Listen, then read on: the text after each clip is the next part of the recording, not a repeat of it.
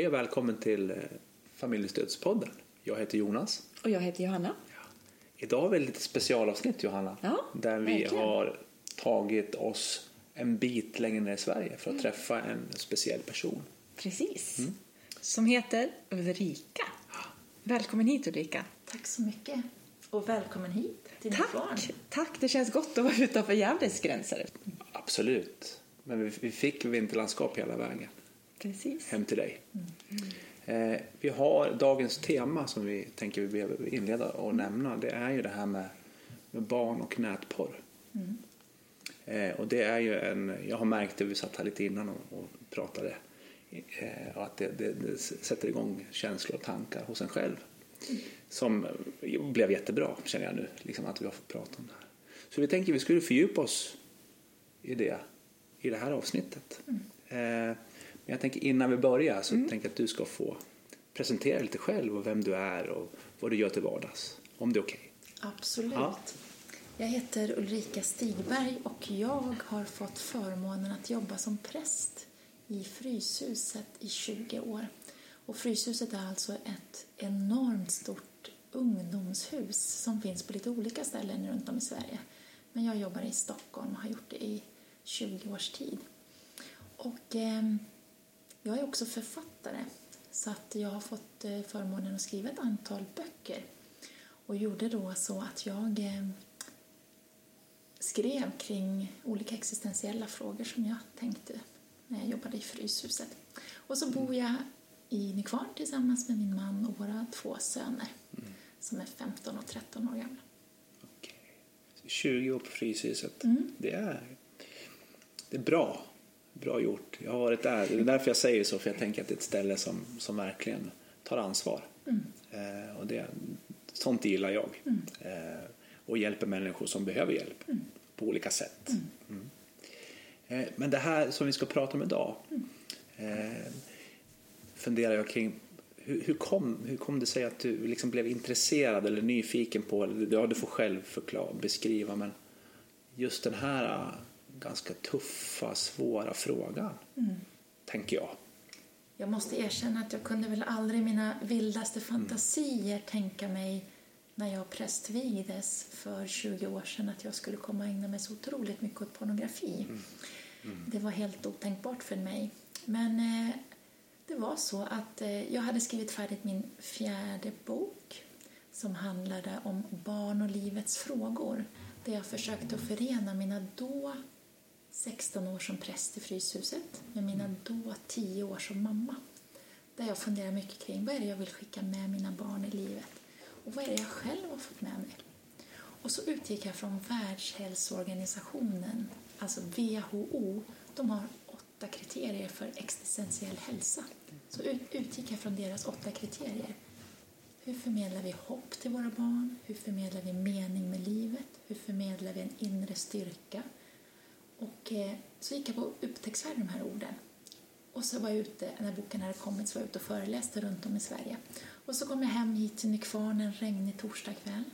Och så ringer telefonen och så är det en prästkollega i andra änden som säger att du som jobbar på Fryshuset, kan du hålla ett seminarium om ungdomar och pornografi? Eh, min första reaktion var ju bara, eh, nej, det kan jag inte. För jag kan ingenting om det. Jag såg Den blå lagunen med Brooke Shields när jag var 13 år.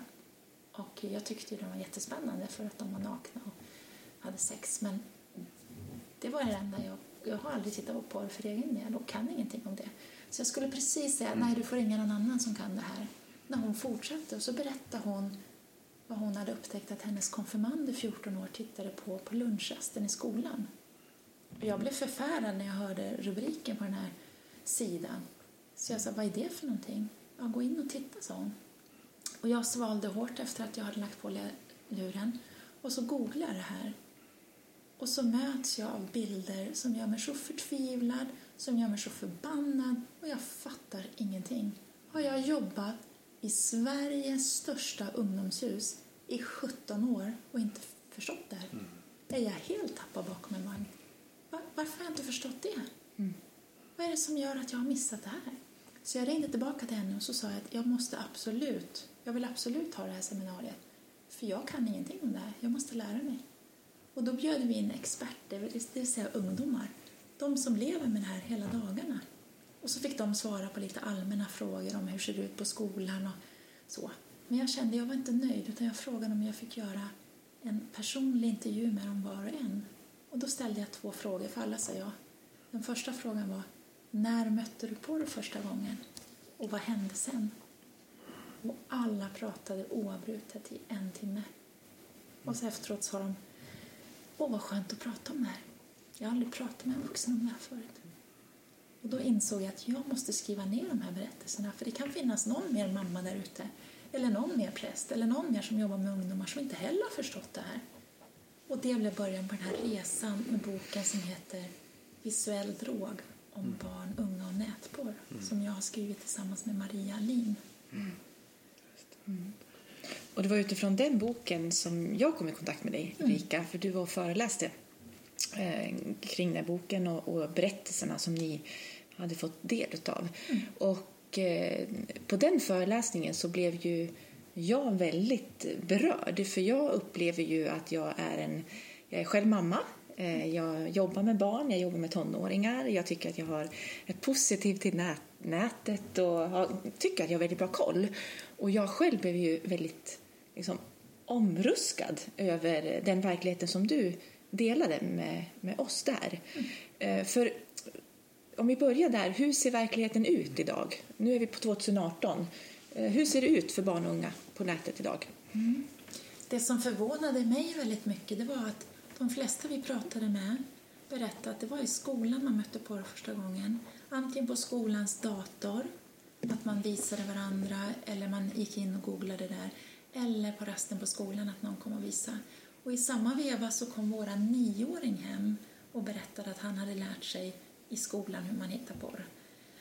Och så bad han mig att jag skulle gå in på den sidan som han hade blivit tipsad om det är tre korta bokstäver så googlar man det och så kommer man in på, på porr.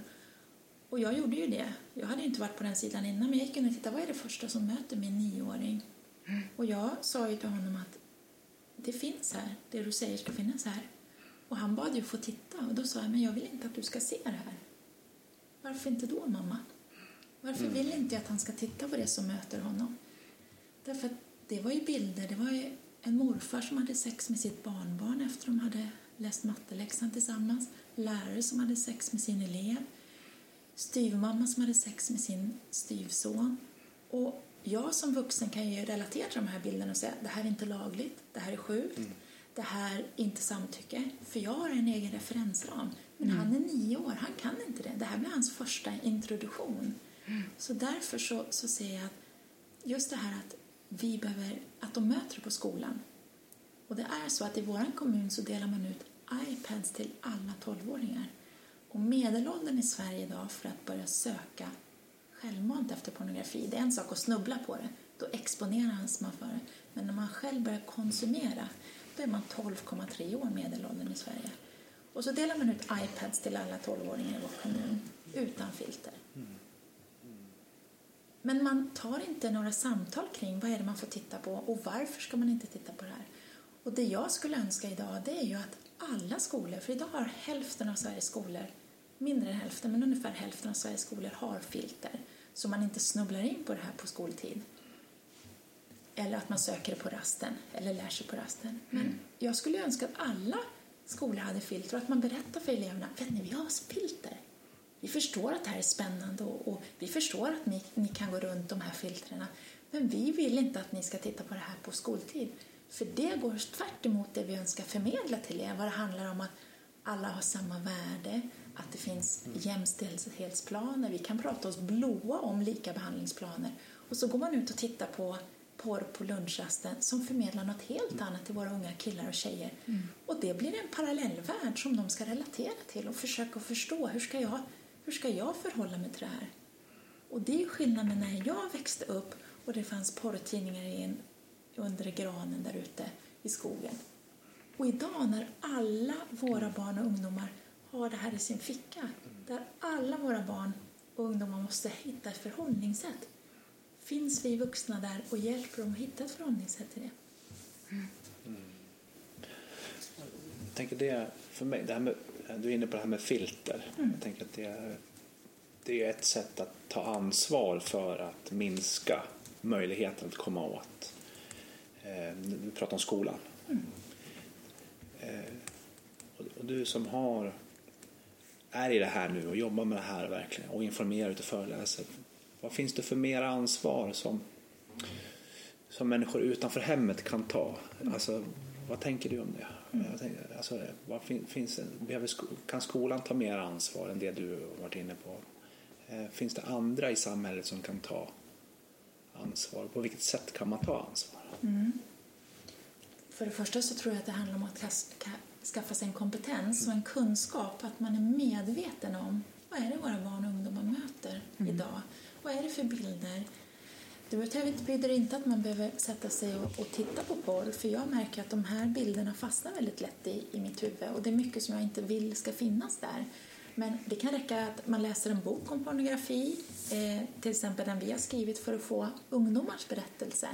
Eller att man läser en debattartikel och ser att här är någon som har kunskap som berättar om det här. Eh, eller att man intervjuar en, en 15-åring och bara säger när mötte du porr första gången och vad hände sen? Så det tror jag att, att skaffa sig en kunskap om vilken värld det är de lever i mm. och hur de, hur de förhåller sig till det.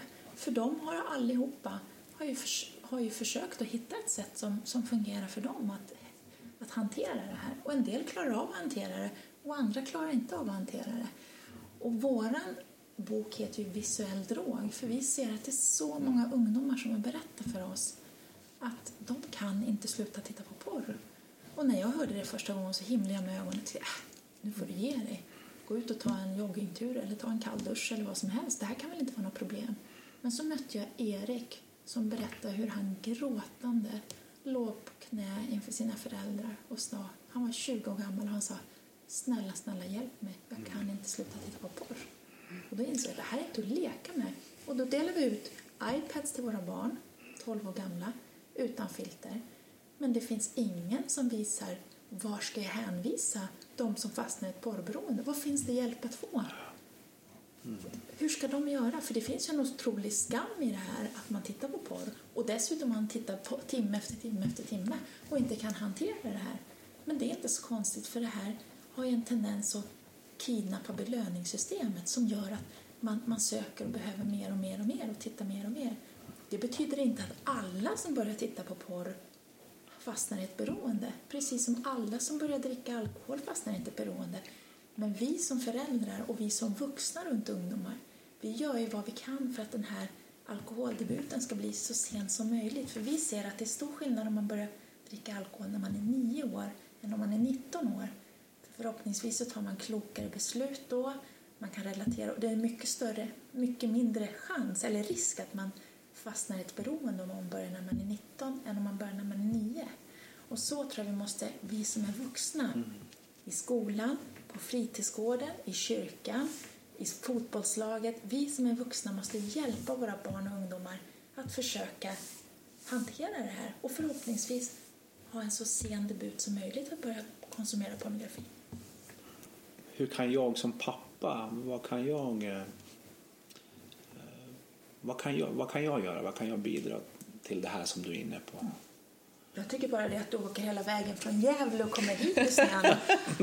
Bara det visar på att det finns ett mm. engagemang, mm. det finns en vilja att förstå, det finns en vilja att, att lyfta samtalet. Och det ser jag att det behövs papper och män som tycker att nu är det redo att ta det här samtalet. För det kan vara som att man tycker att det, det är jobbigt att prata kring de här frågorna. Och jag mötte en, en 45-årig VD och pratade om att nioåringar konsumerar pornografi.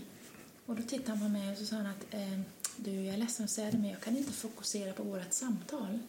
För det enda jag tänker på är, undrar om du fattar hur mycket porr jag tittar på. Mm, det. Mm. Och det sa jag att det är mycket möjligt att du har det, men kan vi lägga dig åt sidan och prata om barnen nu? Och där tror jag att det är viktigt att, man, att det inte blir så att, att ens egen porrkonsumtion som man kanske känner skam över eller man vill inte berätta att man gör det. Det gör att man inte känner att man vill ta de här samtalen överhuvudtaget utan man vill bara lägga filten på och inte prata om det. Men där ser jag att precis som vi kan ha olika förhållanden till alkohol Att du kan vara helnykterist och jag kan älska att ta en Baileys på fredagen eller tvärtom. Mm. Men vi kan ändå förenas i att vi vill inte att rektorn på skolan ska dela ut whisky till våra nioåringar. Mm. Fast vi som vuxna tänker olika om alkohol. Och det tror jag också att vi som vuxna kan tänka olika om alkohol eller, och om porr. Huruvida man ska titta eller inte titta, om det är bra eller dåligt. Det kan vi göra. Men vi kan ändå se att okej, okay, här tänker vi olika. Men vad det gäller våra barn, om de ska titta på porr när de är 9 eller 15, där kan vi vara ganska överens om att vi måste värna dem. Och det tror jag är viktigt, att man kan lägga sin, sin egen mm. skam eller jobbiga åt sidan och säga nu är det barnen vi pratar om. Tänker du att vi, att vi liksom föräldrar eller vuxna, att vi, att vi kommer överens? Tänker du, tänk, att vi att vi är med på det. Att vi tänker att ja, vi kan lägga vårt åt sidan för att vi vill skydda våra barn. Är vi överens om det? Nej, nej det, är ju, det är ju lättare sagt än gjort. Mm. För det kan ju vara så att man känner när man sitter vid köksbordet och ska prata porr med sin nioåring att man samtidigt vill fråga sin partner, men själv då? Jag såg vad du tittade på igår kväll och man känner att här blir lite, det här kommer lite för nära för mig. Så det kan ju vara jättejobbigt och på många olika sätt och vis. Men jag vill ju gärna bolla över för jag blir så glad när jag märker att det finns ett brinnande engagemang hos papp, en pappa. För jag ser att det är många kvinnor som, som brinner för den här frågan och känner nu måste jag ta tag i det här, jag måste prata med skolan, jag måste se om de har filter, jag måste engagera mig.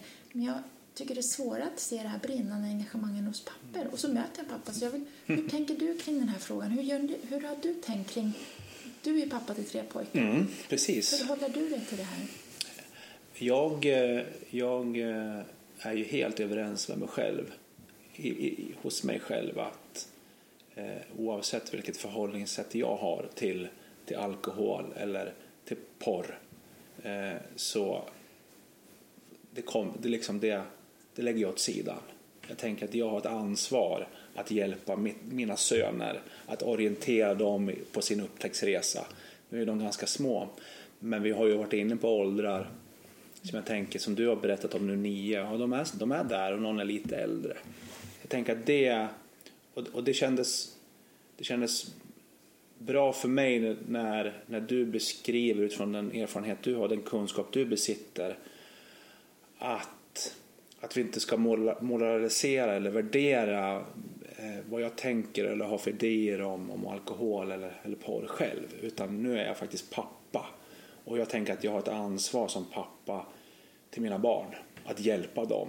Och sen eh, och ett sätt att hjälpa dem det är att göra det här talbart. Att sitta här med dig idag och, och med Johanna och prata om det.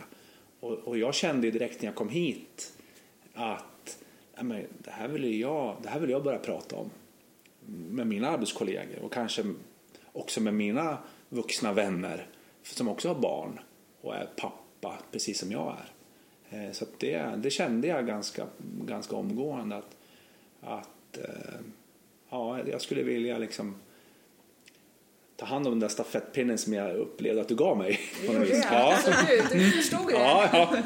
Eh, så, så det hjälpte. För det är klart att jag um, har erfarenheter också. Så. Men som jag tänker att jag kan, jag kan lämna åt sidan för att jag är pappa främst. Först och främst. Ja. Mm. ja.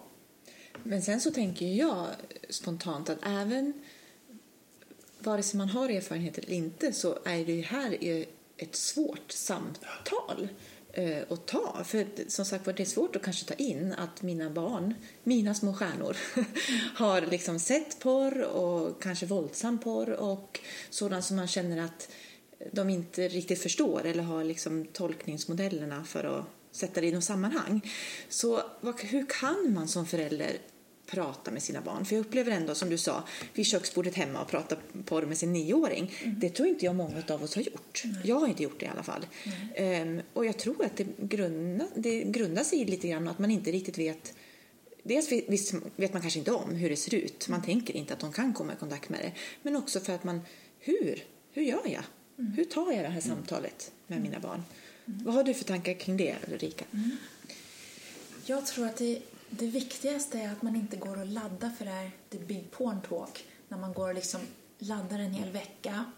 Och jag vet föräldrar som gör det, eller framförallt mammor. Och så går man in och sätter sig vid, vid sängkanten och så reser man sig och går därifrån för man bara känner vad ska jag fråga? Utan jag tror det handlar mycket om att, att ta någon tråd som är aktuell och nu sa de här på Nyhetsmorgon eller nu läste jag en notis i tidningen eller jag hörde på en podd som pratade om det här. Vet du vad porr är för någonting? Eller har ni pratat om det här i skolan? Att man relaterar till något som är aktuellt och som finns i förbigående. Och det kan ju vara att samtalet blir 20 sekunder eller att man bara berättar någonting man har hört. Men också det att, att man är medveten om att precis som vi kan prata om ett svårt ämne som döden där kan vi prata olika med om vi pratar med en 16-åring om döden än om vi pratar med en 6-åring om döden. För vi har förmågan att välja ord och välja Eh, hur vi ska prata om det här svåra ämnet utifrån den ålder som det här barnet är. Och det tror jag att vi föräldrar kan hjälpa varandra och också hitta ganska trygghet i att när jag pratar med en sexåring om det här då pratar jag på ett annat sätt än när jag pratar med en 16-åring. Och det kan vara lättare ju yngre de är just att prata om, vet du, det finns saker på nätet som det kan vara jättespännande att titta på. Jag förstår att man är nyfiken för det är jättespännande med snippar och snoppar. Men vet du, det här, det här är saker som inte, man mår inte bra av att titta på det här. Och man kanske kan se saker som man blir rädd för. Men du ska veta att du kan komma och berätta det här för mig. Jag kommer inte bli arg, för du kan inte rå för att de här finns i din telefon. Och du kan inte rå för att det är spännande, men jag vill att du berättar. Och vet du, det finns någon anledning till att jag inte vill att du ska titta på det här. Precis som jag inte vill att du ska dricka alkohol eller att du ska gå ut och sätta dig i bilen och köra iväg med våran bil. För att det här kommer inte vara bra för dig att titta på det här. Och jag vill att du ska veta det redan nu. Men kom och berätta om du hittar någonting, för jag finns här. Och jag är din mamma eller pappa och jag säger det här för att jag älskar dig så mycket. Mm. Mm. Jag håller också med om det att, att det är klart att det, att det inte är det lättaste samtalet att ta. Eh, å andra sidan så tänker jag, hur blir det för barnet om det inte uppmärksammas? Mm. Om det är ingen vuxen som vågar ta det samtalet. Har du någon, mm. någon erfarenhet av det? Mm. I och med att mycket av den porr som finns idag, den har ju förändrats mycket de senaste 20 åren och mycket av den mainstream-pornografi som är idag, det handlar ju om, om en typ av sex som kan vara väldigt traumatiserande att titta på eh, för ett litet barn. Där man ser att man kommer in i en bild och å ena sidan så blir man traumatiserad och tycker att det är otäckt att titta på. Sen kan man också känna skam över att man kom in på den här sidan eller sökte den med flit. Och sen kan det också vara det att man känner en lockelse till att man vill titta igen för man märkte att man blev upphetsad eller man, och egentligen får jag se en naken kvinna eller någon ha sex. Och så blir det en dragning så det blir så mycket känslor i en ung person. Man är både förfärad och samtidigt lockad och så märker man att det händer massa i ens kropp och det är det som gör att, att det finns ett sug och man inte vill prata om det för man skäms. Och där tror jag att vi som vuxna måste, precis som du sa, att vi måste vara den som går före och initierar de här samtalen och försöker att rusta våra unga att kunna förhålla sig till det här. För jag har aldrig varit en kille på 15 år som har fickan full med porr. Men idag är det en självklarhet för alla våra 15-åringar. Hur hjälper vi som vuxna våra, hur rustar vi våra barn mm. att möta den här verkligheten? Mm. Ja, jag, eh, liksom det här blir ju, jag, jag, såg en undersökning för några år sedan nu, här med vad som eh, yngre barn, eh, vad som, som, som, gav dem rätt mycket mardrömmar. Och det var när de tittade på Lilla Aktuellt själv. När de sett det på mm. eh, det, det här nyheter. Och det kom, jag tänker det här med, med det, att det kan vara traumatiserande och även hur bearbetar man. Och där var ju liksom rekommendationen att, att vuxna ska sitta med och även, och även ja, men som du är inne på, gå före. Och då tänker jag att om man inte har den där chauffören som, som tar det där, eller den här som går före så, så, så hamnar ju där i den här unga killen eller tjejens kropp helt själv. Och hur, hur ska man kunna ja, bearbeta eller förhålla sig till någonting? Och då tänker jag att, ja men vänder man sig till då? Mm. Om man inte har den där den här vuxna personen, då kanske det är till sin vän. Mm. Sin jämnåriga kompis som man vänder sig till. Och det, ja, det, det väcker tankar kring, jag menar, man pratar om det här med men, ansvar utifrån ålder. Jag tänker att sitta och titta på saker som gör en traumatiserad och så finns det ingen vuxen som, som hjälper eller som tar det ansvaret. Så det, det är bara liksom någonting jag tänker på. Mm. Som, som kom, och det, jag, känner nästan, jag känner hela kroppen. Och att vi vill ju men vi vill hjälpa barn så mycket vi bara kan och så gott vi kan. Mm. Eh, och tycker man att det är svårt så finns det hjälp, att be om hjälp mm. hos andra. Um, ja, det, här, ja, det väcker jättemycket tankar både som. Som socialarbetare och som, och som förälder, som pappa. verkligen. Och där tänker jag att det är så lätt att man känner sig otillräcklig som mm. förälder. Mm. Det, det kan ju jag se att det det gör vi alla på olika sätt och vis. Det kan vara att man känner att man jobbar för mycket eller man är trött när man kommer hem eller att man blir arg på barnen fast man inte borde bli det. Så den otillräckligheten tror jag vi alla brottas med. Och när man då får del av det här ämnet och känner, aha, ska jag dessutom sätta mig in i det här?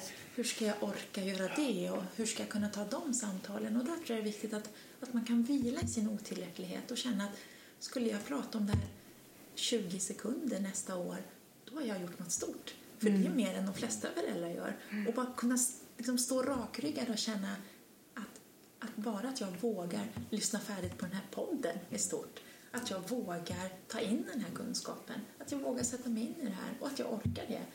Och se att det som kommer sen, det är bara bonus. Mm. Och det tror jag också är viktigt att kunna vila i. att Jag höll en föreläsning mm. och frågade då de här ungdomarna jag pratade med vad är det du bär med dig från den här föreläsningen? För jag hade ju berättat väldigt mycket för dem. Och då var det en tjej som räckte upp handen så sa hon det viktigaste är att du lyfter ämnet. Och det tänker jag också som förälder att det viktigaste är att du lyfter ämnet. Sen om du känner dig tafatt eller känner att du blir, tycker att det är mm. pinsamt eller jobbigt, det, det kan du också säga till barnen. vet du, jag tycker det här är jättejobbigt att prata om. Jag kanske mm. kommer bli jättegenerad. Mm. För jag, jag, det här känns jobbigt för mig, men jag har förstått att det finns massor på, på nätet som, som ni kanske möter på jag vet inte riktigt hur jag ska prata om det här men mm. Finns det någon annan vuxen som pratar om det här eller skulle du tycka det kändes bra att man, att man säger som det är, att jag tycker det här är så mm. svårt och jobbigt och det, det är kanske någon mer som tycker det och att vi kan prata om hur jobbigt vi tycker det här är, att det finns där. För att när vi växte upp så fanns det också pornografi men inte alls i den omfattningen. Och det är det många vittnar om som sitter fast i ett beroende som vuxna. Vuxna män och en del kvinnor som sitter fast i ett beroende, de säger att jag hade aldrig hamnat här om det inte hade varit för att internet blev så tillgängligt. Det var dödsstöten för mig. Mm. Förut fick jag hålla på där med, med uppkopplingar och modem och grejer, men när bredbandet kom, det var första dödsstöten. Och sen när mobilen kom ner i fickan, det var det andra. Och idag serverar vi här till alla våra barn där tillgängligheten är problemet att pornografin är så otroligt lättillgänglig, som vi pratade om innan. Mm. Två knapptryck bort, mm. Mm. så är du där. Du behöver inte gå i snöstorm till någon kiosk och köpa en tidning. Du behöver inte leta upp någon i en skogen, utan du har det tillgängligt. Och Martin Ingvar som är hjärnforskare, han säger i vår bok, en intervju med Lena Liljeroth, att det vi har gjort idag är att vi har fört ner socialt väldigt avvikande normer i fickan på varje nioåring. Och det måste vi vara medvetna om. Mm. Just det. Och det, det är, jag tänker också att det är skönt för, för föräldrar att höra att, att det här är svårt. Mm. Och att det är okej okay att tycka att det är svårt. Och, och samtidigt att ändå att, att det är så också man kan presentera det för sitt, sitt barn. Att jag, jag tycker att det här är jättejobbigt men jag behöver fråga. Mm. Men det här blir jättejobbigt. Så, det tänker jag är rätt skönt att, skönt att höra. Eller att, mm. att det är svårt. Eh, jag tänker på det här också, det här med att lägga sig i eh, som förälder. Min äldsta son han fick en mobiltelefon här för inte så länge sedan av sin, sin eh, snälla morfar i julklapp. En, en begagnad, men ändå. Han har i alla fall en mobiltelefon. Eh, varpå han behöver ha ett abonnemang till den mobiltelefonen. Mm. Och eh, då står jag, jag har fixat ett sånt abonnemang till honom. Vilket också ger mig en rättighet att gå igenom hans... Mm. Är det okej okay, som förälder att, att gå, gå igenom sina barns iPads eller, eller mobiltelefoner? Mm, det jag tycker det är en jättebra fråga. Där kommer man ju fram till olika svar. Men jag tror att man kan ha en jag tänker att man kan ha en öppen dialog och säga till sitt barn att jag kommer gå in och kolla din telefon ibland eh, och eh, jag hoppas att det är okej. Okay. Om du inte tycker det är okej, okay, berätta för mig varför du inte tycker det. Vad är det du vill att jag inte ska se? Är det någon konversation med någon person du har och så? Så att det inte är så att man som barn upplever att pappa går bakom ryggen på mig. Han läser min dagbok eller han går in och ser att jag har haft kontakt med den här tjejen som jag inte vill att han ska se. Så att man har raka rör. Mm. Eller att man kanske ska säga, kan vi titta tillsammans i din telefon nu? Mm. Och, eh, för där, där tror jag just det där att, att man, där blir ju svårare ju barn, äldre barnen blir. För är de sex år så är det mer naturligt att kolla i, i deras telefoner än om de är 16 år. Och där tänker jag också att det, det är så viktigt att vi kan vara raka med vår, vår kommunikation. Och andra kommer fram till att ja, men nu är jag vuxen och jag måste veta mm. utan att fråga. Jag måste eh, ta reda på det här. Och då är det så viktigt. Jag vet en, en kille som berättade att han hade en porrtidning hemma när han växte upp. Och det jobbiga var inte att mamma hittade porrtidningen och sa att det här vill inte jag ska se för att det här är bilder som förmedlar någonting om kvinnan som jag inte vill att du ser. Det tyckte inte han var det jobbiga, utan det jobbiga var sveket. Att mamma hade gått in på hans rum. Mm. Mamma hade gått in på hans rum utan att fråga. Det var det som var jobbiga. Så att han kände att han förlorade en del av förtroendekapitalet för mamma för att hon hade varit där. Och samtidigt kan jag se som mamma jag är inne i mitt barns rum lite titt som tätt och skulle jag lyfta på en kudde och hitta en, en porrtidning det är inte för att jag är där för att snoka utan ibland snubblar man på saker som man ser, oj, det här. Och, och där tror jag att, eh, att man är öppen och berättar och säger hur man tänker. Hur tänker du i den frågan? Ja, ja, jag satt ju och funderade på det. Eh, jag eh, tänker att det som har varit framgångsrikt för mig, eller för, i min familj, det är ju att att inte gå in i smyg utan att säga att det här är vår överenskommelse. Det här, det här, eller min förvänt, jag förväntar mig att jag kommer att säga till dig att det är okej okay antingen tittar vi tillsammans mm. eller så kommer jag säga till när jag behöver titta på vad du har varit inne på för sidor på, på internet. Eller, ja, så. Mm. Och det, det har varit okej okay mm. för, för min son att, mm. att göra så. Mm. Eh, för jag och, och samtidigt så kan jag också känna att om, om andra föräldrar gör, väljer att göra det på andra sätt så mm. tänker jag att jag lägger ingen värdering i det. Men det här sättet som vi, det har, det har fungerat för oss. Mm. Eh, så, så det... Är det ditt sätt att på något sätt hjälpa ditt barn att få den här debuten så sent som möjligt? Att på något sätt så finns det en social kontroll. Mm. Mm. Jag kommer att få veta när du porrsurfar mm. så att det är bra om du väntar med det tills, mm. tills längre fram tidigare så tänkte jag ju inte så. Eh, jag tänker mer på det idag utifrån det här samtalet och jag tänker, jag tänker ofta på mitt ansvar som förälder eller mitt ansvar som vuxen i relation till, till barn. Eh, att jag har ett ansvar att hjälpa eh, hjälpa min son. Jag tänker att vissa saker behöver man prata om tillsammans eller bearbeta. Om man har varit med om en upplevelse att, att jag tänker att min son ska inte behöva hamna själv i den upplevelsen. Att han ska känna att det är okej okay för mig att dela den upplevelsen med min pappa. Eh, utan att behöva känna att han kommer bli arg på mig. Mm. Eh, det tänker jag, eh, det vill jag förmedla. Mm. Sen är det så att det är många gånger jag har blivit arg. Mm. Men då har jag också valt eller valt. Jag, jag, jag, jag känner att jag, måste be om ursäkt om jag känner att jag som pappa har gått över en gräns. Mm. Med att jag ber om förlåtelse för att jag, blev, för att jag reagerade så starkt. Men det, jag, det berodde på det här. Mm. Jag, var inte, jag var inte beredd eller mm. därför reagerade jag så. Mm. Men att jag också kan säga, och det har hjälpt eh, min son i alla fall, att våga mm. eh, vara mer ärlig mm. om saker. När han kommer hem från skolan till exempel och vill berätta någonting. Mm. Förut så har han valt att inte göra det, så har jag fått höra det från andra håll. Mm. För att jag har reagerat på ett sätt som blir jobbigt för Gabriel. Mm.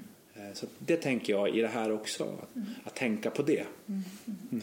Och nu tänker jag Jonas på, du beskriver en att du blev arg, eller till mm. exempel, man mm. kan bli arg. Och då mm. börjar jag tänka på just vad, de, vad det kan väcka för känslor i föräldrar. Att eh, dels komma till insikt om att det kanske kan vara så här, men också att man faktiskt inser Ehm, att ja, men min nioåriga son eller dotter har tittat på porr eller att man har en 13-åring som man känner eller som man får reda på tittar mycket på porr. Mm. Som, alltså, det väcker ju någonting i en som förälder. Mm. Um, ja. vad, vad, har du för erfarenhet av det? Du har ju träffat många, både Absolut. ungdomar och föräldrar. Och jag tror att det är viktigt att man låter det få väcka. Att de känslor som finns får finnas. Och att jag blir förbannad och ledsen när jag ser de här sidorna som jag vet att då de här konfirmanderna hade tittat på. Den känslan jag har då, jag måste kunna härbärgera den så inte det går ut över min nioåring när han kommer hem och berättar att han har lärt sig på skolan hur man hittar porr. Mm. För han kan inte rå för att hela hans telefon är full och han kan inte rå för att det är spännande med sex. Men mm. jag har rätt att känna det. Jag kanske går ut i skogen och sparkar på ett träd eller skäller ut min man eller vad som helst. Men att jag får utlopp för den där så inte den, den känslan jag har går ut över honom så han känner att jag kan inte prata med min mamma för hon blir fly förbannad bara jag nämner det här ordet. Det går inte att säga någonting till henne för att hon är, det är så laddat för henne. Mm. Utan att man ser att jag som vuxen kan ansvara för vad jag känner. Mm. Men jag kan också få utlopp på det på olika sidor. Sen kan man ju säga till sitt barn, du jag blev riktigt, riktigt arg när du berättade, eller när jag förstod att du hade tittat på det här. Och det var för att jag blev, jag blev upprörd. Men mm. det är inte för att jag är arg på dig, utan jag är upprörd för att det här finns där. Mm. Och det är så lättillgängligt. Och att mm. jag fattar att du är nyfiken och vill veta vad folk pratar om och att det är spännande. Och det här med sex är jättespännande. Så egentligen är det inte det jag är arg på. Men jag blev upprörd och jag ber om ursäkt för det för mm. att jag vill att vi ska kunna prata om det. Mm. Så även om man blir upprörd så, så finns, finns det alltid en väg tillbaka. tillbaka. Att man, mm. Precis som du mm. säger, man kan säga att så här, så här är det. Och, mm. och varför tror jag blir så upprörd? Men det, det, är för att det här väcker så mycket i mig. Mm. Och det är därför det är svårt att prata om det här också. Och det, det, det, det är ju så enormt brett ämne. Det väcker ju på Verkligen. så många olika plan. Varför blir jag arg? Varför vill jag inte att mina barn ska se det här? Vad händer med mig som kvinna? Vad händer med mig som man? Det här är så otroligt laddat på så många mm. plan. Och det märker jag när jag pratar med människor att vi skulle kunna prata om det i tre veckor för det mm. finns så många olika mm. nyanser och så många olika perspektiv på det här ämnet. Mm.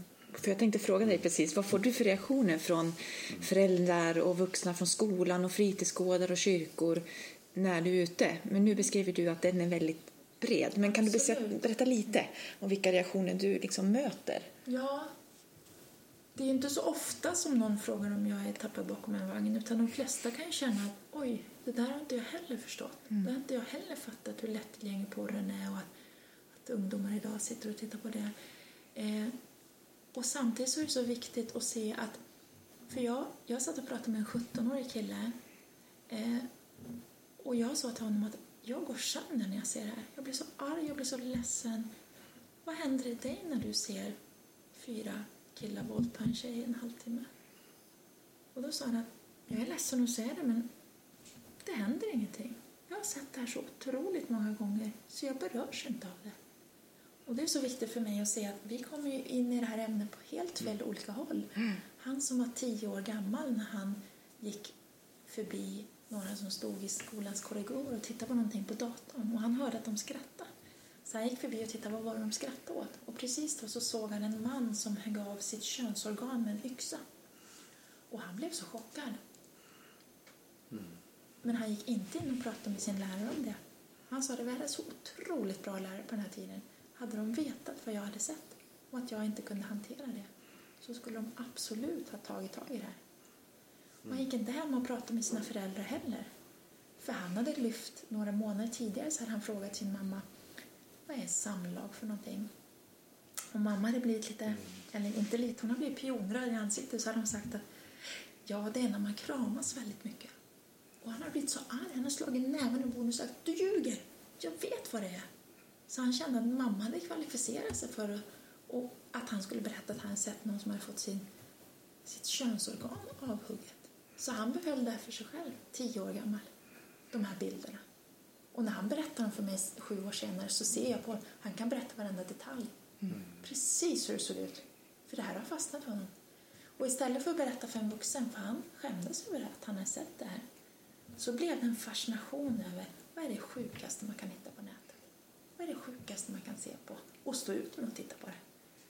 Så när jag träffar honom sju år senare och säger att jag går sönder när jag ser det här så, ja, fast jag berörs inte. Jag har sett det här så otroligt många gånger. Och det är så viktigt att se att när vi ska prata om porr, vad är våldspornografi?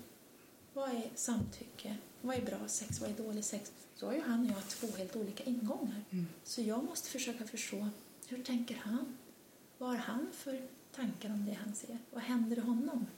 För det är så lätt att min kontext och min erfarenhet, att den kommer där och lägger någon slags dimma över samtalet som gör att jag är inte öppen för hans berättelse. Mm. Och där tror jag också som vuxen att man får ta ett steg tillbaka och säga, vad har du att lära mig? Mm.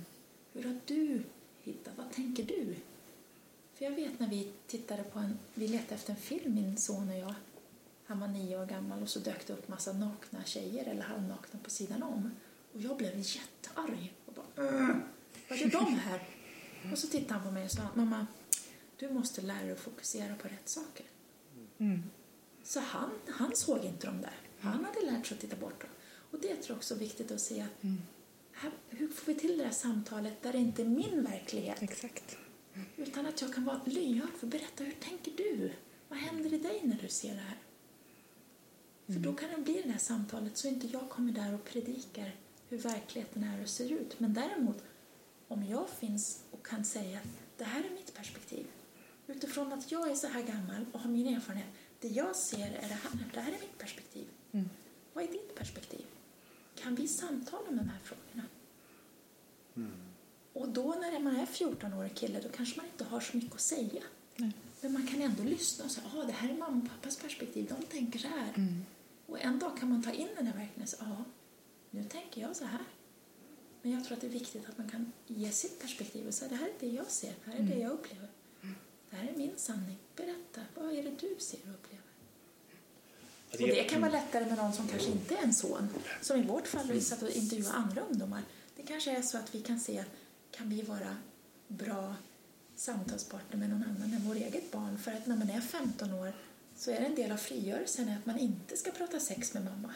Man kanske kan hitta någon som man känner förtroende för och kan prata med någon annan och se att det här är mitt sätt att bli vuxen, att, att prata om de här frågorna. Men kanske inte med mamma. Men, men då in, det innebär ju också att det finns vuxna Precis. som andra vuxna än, än föräldrar. Det tänker Som jag. är pålitliga. Ja, precis. Så det, det, det möter ju vi också i vårt jobb. Som, alltså att, att, att, att bli den personen. Jag tänker att, eller, och det finns också andra, men att vi kan vara till hjälp. Om det inte finns andra som du tänker att vi hjälper till att vara den personen som, som kan vara lyhörd, som, som vågar vara nyfiken och lyssna. För det, det, det tänker jag att trots att det är ett svårt ämne, jag tänker om som, förälder själv, eh, att, att våga våga vara nyfiken på ett sånt svårt om, med, med sitt eget barn. Våga vara lyhörd. Jag tänker, det låter som att, att det är någon form av framgång, framgångsfaktor. Att inte liksom bara säga det där är fel. Jag är inte ett dugg nyfiken på hur du tänker om det här eller varför du gör det här. Utan det här lägger av med. Och så blir man diskvalificerad som, som den här vuxna som sitt barn vänder sig till. Så det låter som att det blir framgångsrikt att tänka att jag behöver vara nyfiken, jag behöver vara lyhörd inför vad mitt barn vill berätta om det här, om de här erfarenheterna. Och samtidigt så svårt, för det kan vara så att man bara känner att jag vill inte höra, jag vill inte veta, jag vill inte förstå att du har sett det här. Men att då kunna se att, kan man se att om det nu är så att den här personen har sett det, att man också ser att klarar jag av att härbärgera det som jag hör? Också se att hur kan jag inbjuda till samtal men också säga att jag vill inte att du tittar på det här. Jag ser att det här är inte bra för dig utifrån mitt perspektiv. Så att jag vill att du väljer bort det här och att kunna känna sig trygga i varför vill jag det?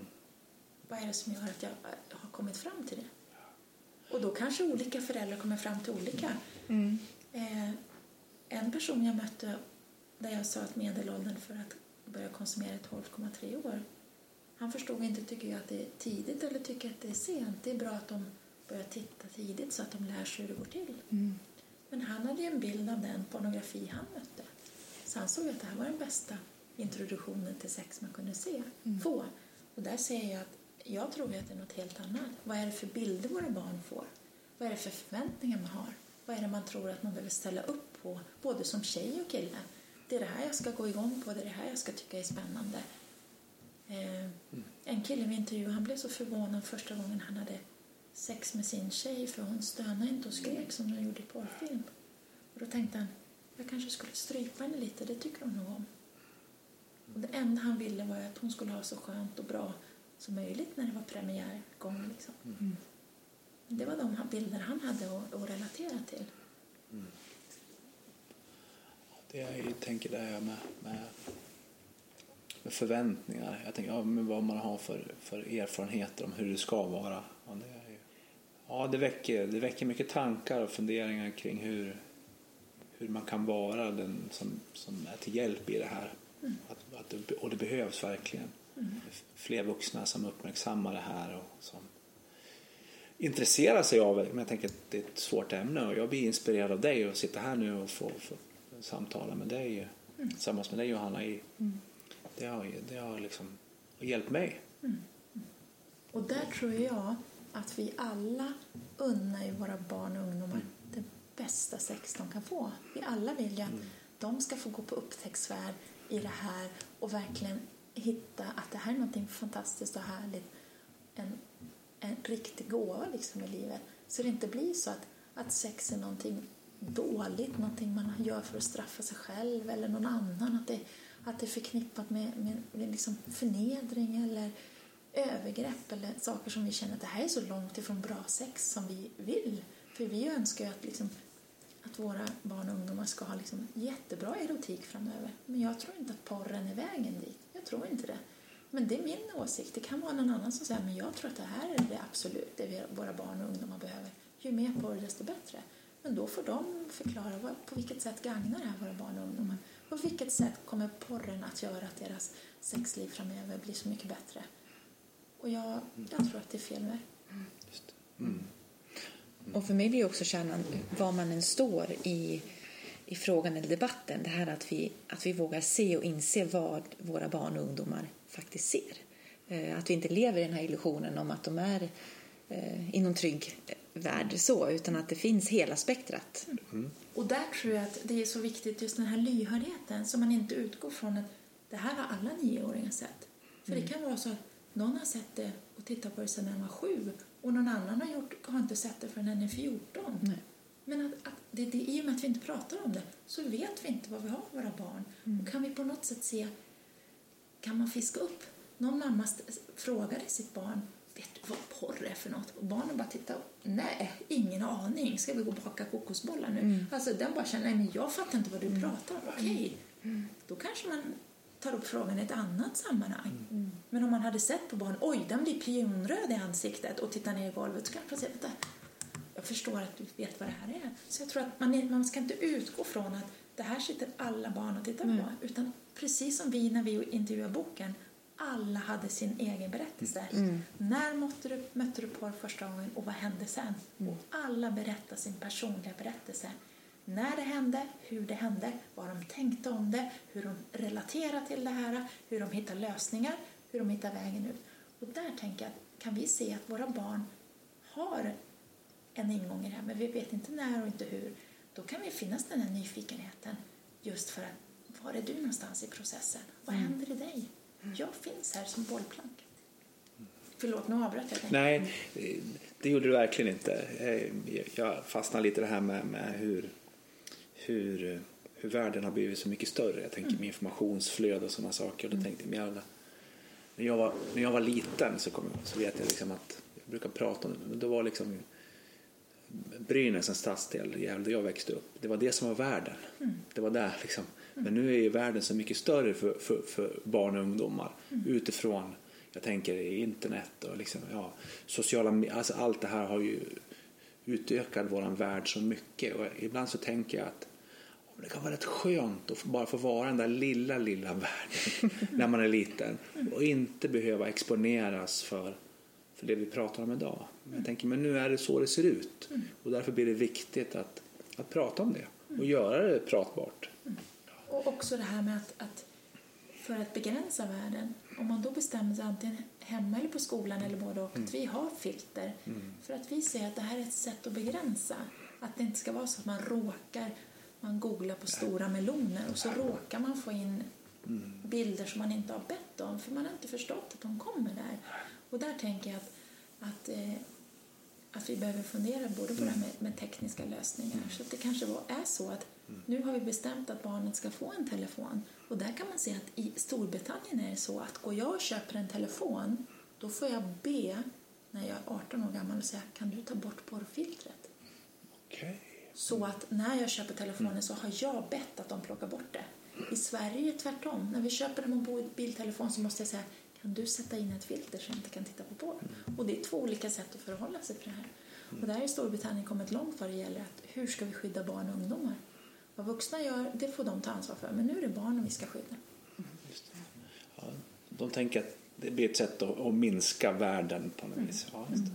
Jag tänker tiden, eh, ja, tiden är både för och emot oss i livet. Den är Så alltid för knapp, Ja, den är alltid för knapp. Och jag tänker att det, det här avsnittet börjar gå mot sitt slut. Och jag är, och jag tänker att du också, vi är uppfyllda av, av det här samtalet. Och, men jag tänker, är det, är det någonting, nå, någonting som du tänker att vi har, ja men det här skulle jag också vilja få sagt. Jag tänker att, att, att vila i den man är och det man har att komma med och att kunna känna att jag som förälder har så otroligt mycket att ge.